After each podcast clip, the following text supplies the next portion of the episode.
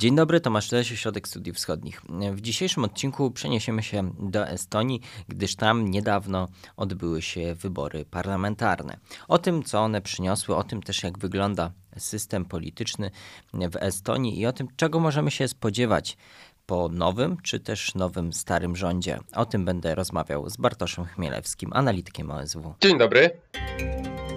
To jest podcast Ośrodka Studiów Wschodnich. Zaczniemy może od czegoś, co tak bardzo się nie, nie przewinęło przez polską opinię publiczną, chociaż niektórzy też o tym trochę mówili. To znaczy, chciałam cię, cię podpytać o frekwencję, ale nawet nie tyle o to, jaka ona była, tylko o to, że wyjątkowo dużo, może nie wyjątkowo, ale bardzo dużo osób zagłosowało internetowo. To jakaś nowość w Estonii? Jak to, jak to w ogóle wygląda? Jeżeli chodzi o samo głosowanie internetowe czy e-głosowanie, to, to nie jest nic nowego w Estonii. To się odbywa już od, od, wielu lat we wszystkich rodzajach wyborów i też nie jest czymś takim, jak e, wyobrażamy sobie prawdopodobnie, jak większość osób wyobraża sobie mm, przy pierwszym skojarzeniu, jak takie wybory e, internetowe wyglądają. Bo nie wygląda to w ten sposób, że w dzień wyborów, tak jak u nas e, w Polsce czy w wielu innych krajach, mamy jeden dzień wyborów i odbywa się głosowanie i wtedy ludzie się logują na jakąś platformę i mogą oddać głos przez internet. W Estonii wybory de facto trwają tydzień. E, I ten przez te pierwsze 6 dni można oddać właśnie głos internetowo i to jest takie przedgłosowanie. Wtedy też trwa cisza wyborcza? Nie, w Estonii w ogóle w tym roku nie było ciszy wyborczej, nawet ostatniego dnia, w niedzielę, w dzień wyborów nie było e, ciszy wyborczej.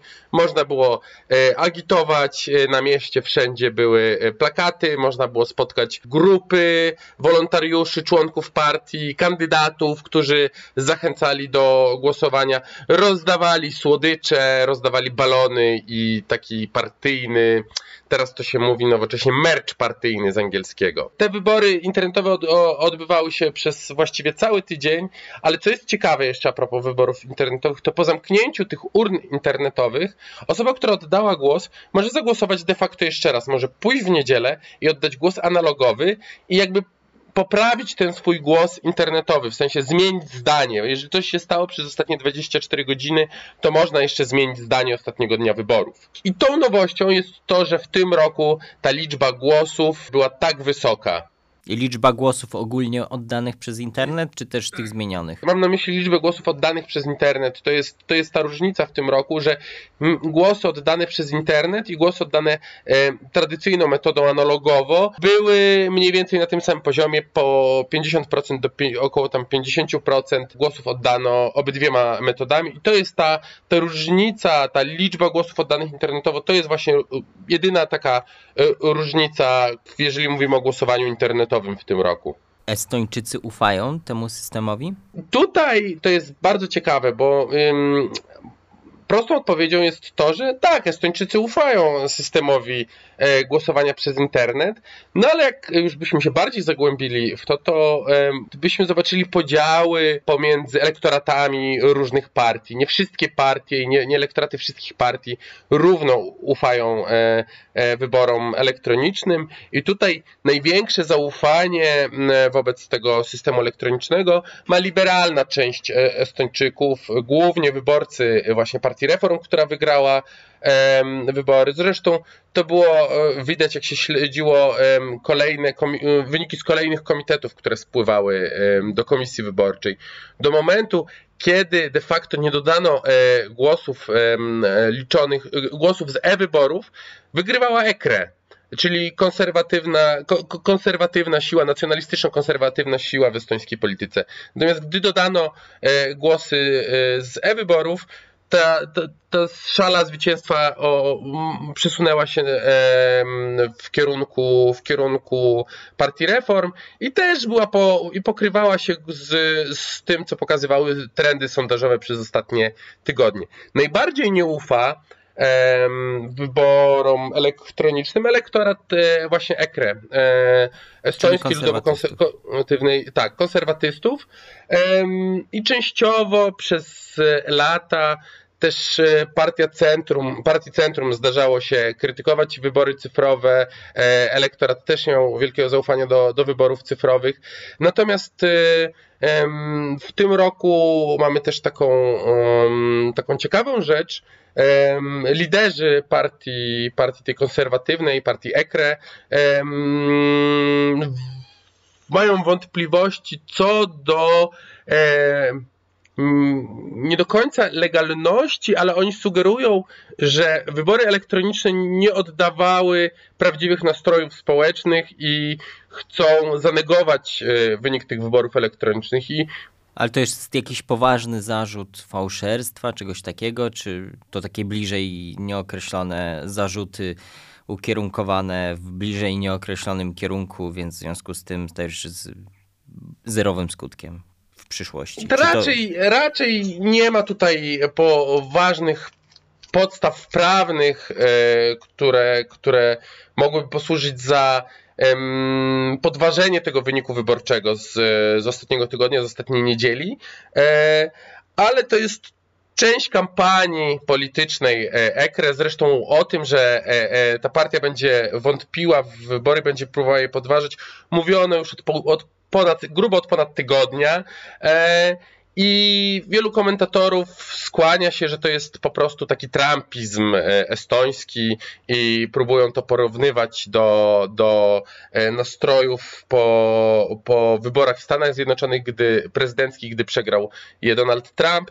No oczywiście nie skończy się to um, zamieszkami w Talinie, ani wyborcy EKRE nie wyjdą na ulicę protestować przeciwko ukradzionym wyborom, bo czegoś takiego, coś takiego się nie wydarzyło w Estonii. Mhm. E, jeszcze będąc, oczywiście zaraz przejdziemy do wyników wyborów, ale tak wokół jeszcze kampanijnych tematów i, i dając Państwu pewnego rodzaju tło do, do rozmowy o tym, co w przyszłości. EKRE już wspominałeś um, o właśnie partii, tej partii, to partia konserwatywna i też tutaj pewne skojarzenie może być e, odnośnie znowu y, sytuacji w Stanach Zjednoczonych, gdyż dużym tematem w w Estonii była publikacja Politico, w którym opisano to, jak próbowano w 2019 roku wpływać a mówiąc prosto, Rosja e, próbowała wpływać na estońskie wybory. Jakbyś mógł coś więcej o tym opowiedzieć? Tak, to jest w ogóle bardzo ciekawe, bo ta, to, ten tekst Politico e, dotyczył szerszego zjawiska e, w, i, i, to było szersze dochodzenie, które, które opisywało działalność, e, działalność Jewgenija Prigozina e, i próby wpływania na europejską politykę, a sam fragment dotyczący Estonii był e, niewielki. Tak naprawdę może to było 10% całego śledztwa, jak, jak, jak nie mniej. Natomiast to w Estonii odbiło się wielkim echem. E, o tym dyskutowano, o tym, o, ten temat, ten temat był e, jednym z highlightów e, debaty wyborczej między Martinem Helme, a, czyli liderem EKRE, a Kają Kallas, obecną byłą i prawdopodobnie przyszłą premierką, liderką partii Reform. I co tam było w tym tekście? Tak. W tym tekście tak naprawdę mieściła się tylko sugestia, E, że EKRE współpracowało w 2019 z z grupami, z grupą, użyto zwrotu grupa Wagnera, ale oczywiście nie chodzi o, o, tą, o tą grupę najemników e, rosyjskich, e, która należy do, do Jewgenija Prigozina, nie chodzi o prywatną firmę wojskową, a chodzi raczej o otoczenie biznesowe, agencje, otoczenie biznesowe i agencje PR-owe, które próbowały wprowadzić kampanię wtedy w Estonii, bo one rzeczywiście próbowały prowadzić kampanię za pomocą social mediów w dosyć nieudolny sposób i promowały właśnie EKRE e, jako partię, która jest wtedy i nadal jest antyzachodnia, antyeuropejska, antynatowska, w której narracji pojawiają się takie tezy. E, no ale też ważną rzeczą było, były komentarze estońskich politologów, które pojawiły się w, te, w, ty, w, tym tekście. No i po pierwsze, jedna dyskusja dotyczyła e, tego, czy nie, czy nie e, ci komentatorzy nie wykroczyli poza um, ramy e, niezależnych politologów i, i takich analityków życia politycznego i nie zaangażowali się właśnie w kampanię, a druga kwestia to oczywiście przy ta atrybucja tych związków z Rosją. Z tego tekstu nie wynikało, że, że Ekre czy politycy Ekre ma, mieli bezpośrednie kontakty z, ze środowiskiem Prigozina. Estoński wywiad też tego nie, nie po, potwierdził, a koniec końców samo estońskie śledztwo estońskich dziennikarzy, które pojawiło się w zeszłym tygodniu analizowało dokumenty, którymi dysponowało Polityko, też tego nie potwierdziły. Natomiast w kampanii e, Kaja Kallas próbowała podkreślać, że właśnie tą partią prorosyjską, tą partią związaną z Rosją jest Ekre. Ekre próbowało się bronić, zasłaniając się, zasłaniając się między innymi tym, że komentujący ten tekst polityko-politolog e, kilka lat temu był na jakimś wydarzeniu w Rosji i tak naprawdę um, skończyło się to na takiej przepychance, kto jest bardziej patriotyczny, kto jest bardziej prorosyjski. E, Partia Reform zapowiadała, że w przyszłym parlamencie, już w tym, który się teraz będzie zaczynał, um, uruchomi komisję śledczą. No i ta dyskusja była dość mocno populistyczna. No ale to jest oczywiście, to było, to, to było tak ostre ze względu na to, że cała kampania była zdominowana przez e, kwestie bezpieczeństwa, kwestie Rosji, Ukrainy i polityki międzynarodowej. No, trudno się dziwić w tych, w tych okolicznościach, że rzeczywiście tak było. I wygrała wybory urzędująca pani premier i jej partia, partia estońska, partia Reform, e, właśnie pani premier Kallas. Czy Estonią rzeczywiście będzie rządził ten sam rząd? Czy, czy spodziewamy się jednak jakichś zmian? Czy, czy pani premier łatwo uzyska większość? No i jak ta większość będzie wyglądała? Czy to będzie taka sama większość jak w poprzedniej kadencji. Partia Reform z pewnością nie będzie miała problemów w skompletowaniu większości parlamentarnej, bo e, według wyników tych wyborów zdobyła 37 mandatów. Do e, podstawowej, takiej minimalnej większości w estońskim parlamencie potrzeba 51 mandatów, ponieważ sam parlament ma 101 e, miejsc. No i de facto Partia Reform ma cztery warianty stworzenia koalicji, ale najłatwiejszym wariantem e, będzie stworzenie takiego dużego obozu liberalnego, co oznacza, że obecny rząd i obecna koalicja nie będzie kontynuowała e, swojej, swojej misji, swoich rządów, bo do, dotychczas e, obecny rząd składał się właśnie z partii Reform Kai Kallas, z partii socjaldemokratycznej i z prawicowego ugrupowania Ojczyzna i sama e, i właśnie i sama e, wyląduje już niedługo poza koalicją rządową i jej miejsce zastąpi nowe ugrupowanie w estońskiej polityce relatywnie nowe ugrupowanie w estońskiej polityce, partia ST200, która powstała w 2018 e, roku. W wyborach 2019 roku nie uzyskała odpowiedniej liczby głosów i nie przekroczyła 5% progu wyborczego. W tym roku natomiast e, zdobyła e, około 14% głosów i dość pokaźną liczbę mandatów. To jest czwarta partia co do, co do liczby mandatów w parlamencie. I to jest partia, która jest takim ugrupowaniem e, progresywnym, liberalnym, ideologicznie dość bliskim do partii reform. W jej szeregach znajdują się byli naukowcy, celebryci, e, ale też analitycy e, estońskich think tanków. To będzie takie ugrupowanie, które, które pewnie nie będzie robiło problemów e, Kai Kallas w przeciwieństwie do Isamy, e, która miała która miała dość mało mandatów, ale jednocześnie dość duże żądania i Kaja Kallas musiała spełniać żądania swojego małego koalicjanta. A w tej układance, która prawdopodobnie się zbliża, czyli właśnie socjaldemokraci, e, ST200 i Partia Reform, e, reformiści prawdopodobnie zdominują swoich koalicjantów, a koalicjanci dostaną pojedyncze ministerstwa i będą e, takim mm, wsparciem e, będą głosować za, za pomysłami reformistów i raczej nie będą, e, nie będą e, protestować, raczej będą skłaniać się ku byciem mniejszym, potulnym koalicjantem. I jak rozumiem, w związku z tym ciężko się spodziewać jakichkolwiek zmian w polityce zagranicznej i ten um, kurs e, pronatowski, też kurs wspierania Ukrainy zostanie zdecydowanie utrzymany. Tak, nawet jeśli e, jakimś cudem okazałoby się, że mm, ta, ta, ten najbardziej prawdopodobny wariant e, koalicyjny e, nie dojdzie do skutku, to de facto większość partii w estońskiej polityce, a właściwie wszystkie cztery partie, z którymi partia Reform jest w stanie wejść w koalicję, jest, ma bardzo podobne e, poglądy, jeżeli chodzi o współpracę międzynarodową, o politykę bezpieczeństwa, o wspieranie Ukrainy. Wśród tych wszystkich partii są tylko niewielkie detale, jeżeli różnicujące je w, w, w kwestiach e, reformy bez, e, sektora bezpieczeństwa czy jakieś szczegółowe kwestie rozwijania stosunków z poszczególnymi krajami na arenie europejskiej.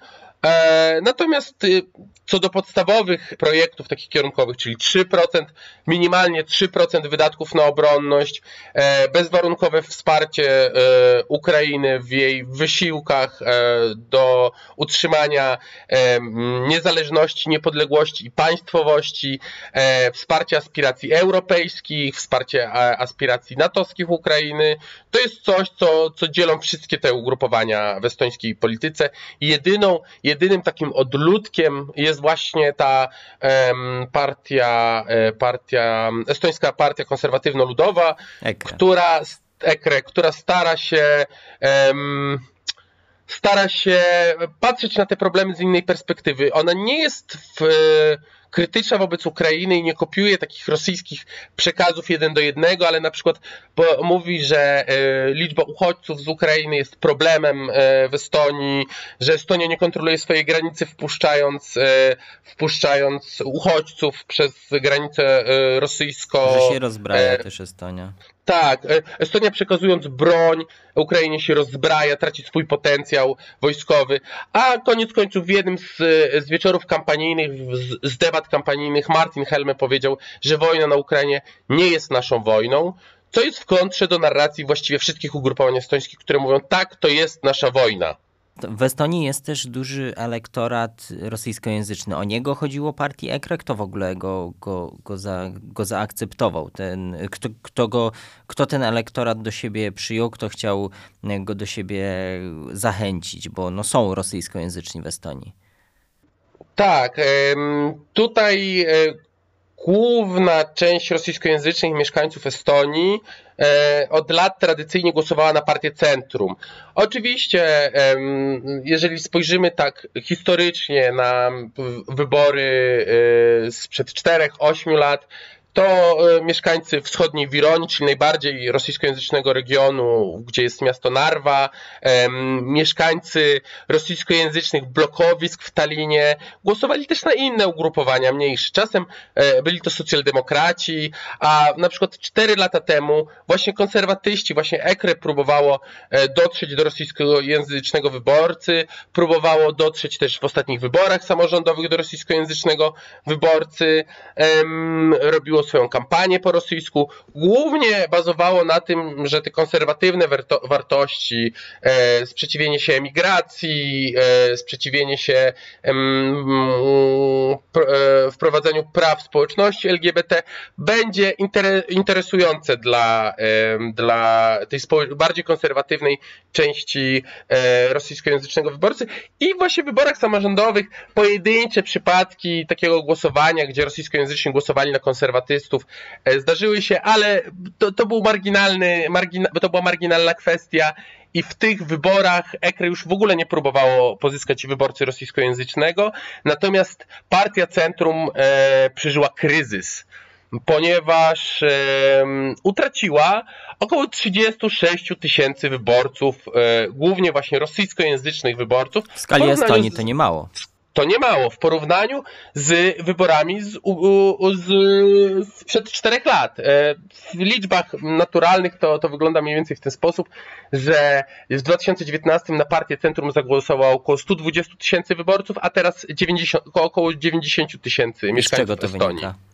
Ten zawód? To wynika z y, dwóch, y, a właściwie z trzech czynników. Jeden jest taki strategiczny, który wpływał na, obniży, na spadek poparcia dla centrystów już od 2019 roku i to były wspólne rządy z EKRE w, w pierwszych dwóch latach poprzedniej, e, poprzedniej kadencji, gdzie w ogóle elektorat centrystów był coraz bardziej rozczarowany e, tym, że, że Partia Centrum weszła w taki mariaż z konserwatystami, a drugim czynnikiem, który przyspieszył ten proces i miał bardzo duże znaczenie, jest właśnie wojna, która trwa od roku. Po 24 lutego 2022 roku Partia Centrum przestała częściowo próbować siedzieć na kilku e, e stołkach. To znaczy e, przestała e, jednocześnie apelować e, i pozycjonować siebie jako prozachodnią, partię pronatowską, prounijną, a jednocześnie dopieszczać tego konserwatywnego, czasem prorosyjskiego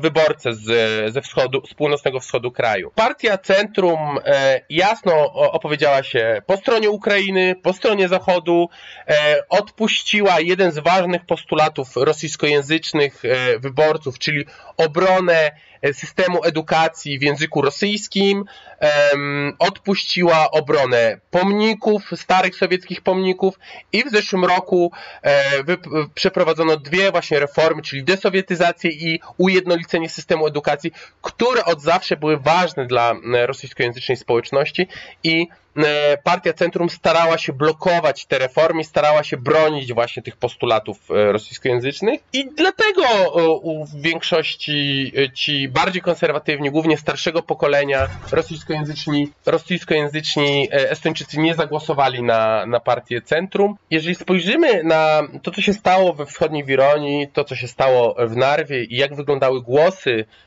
mieszkańców tego regionu, to zobaczymy, że e, bardzo duże poparcie dostali chyba pierwsze tacy radykalni prorosyjscy kandydaci i wśród nich był e, rozłamowiec, e, a właściwie polityk wyrzucony jesienią zeszłego roku z partii Centrum, Michał Stal, e, Stalnuchin, który potrafił w ubiegłych latach chodzić z Giergiewską lętoćką na jakieś, czyli z stążką świętego Jerzego, takim symbolem rosyjskiego imperializmu, na różnych wydarzeniach publicznych. I on a także drugi kandydat takiej marginalnej, zjednoczonej partii lewicy, Ivar e, Peterson, który zresztą część kampanii, ostatni tydzień kampanii spędził w okupowanym Donbasie po rosyjskiej stronie, zyskali łącznie tyle głosów, co partia Centrum we wschodniej Wironii.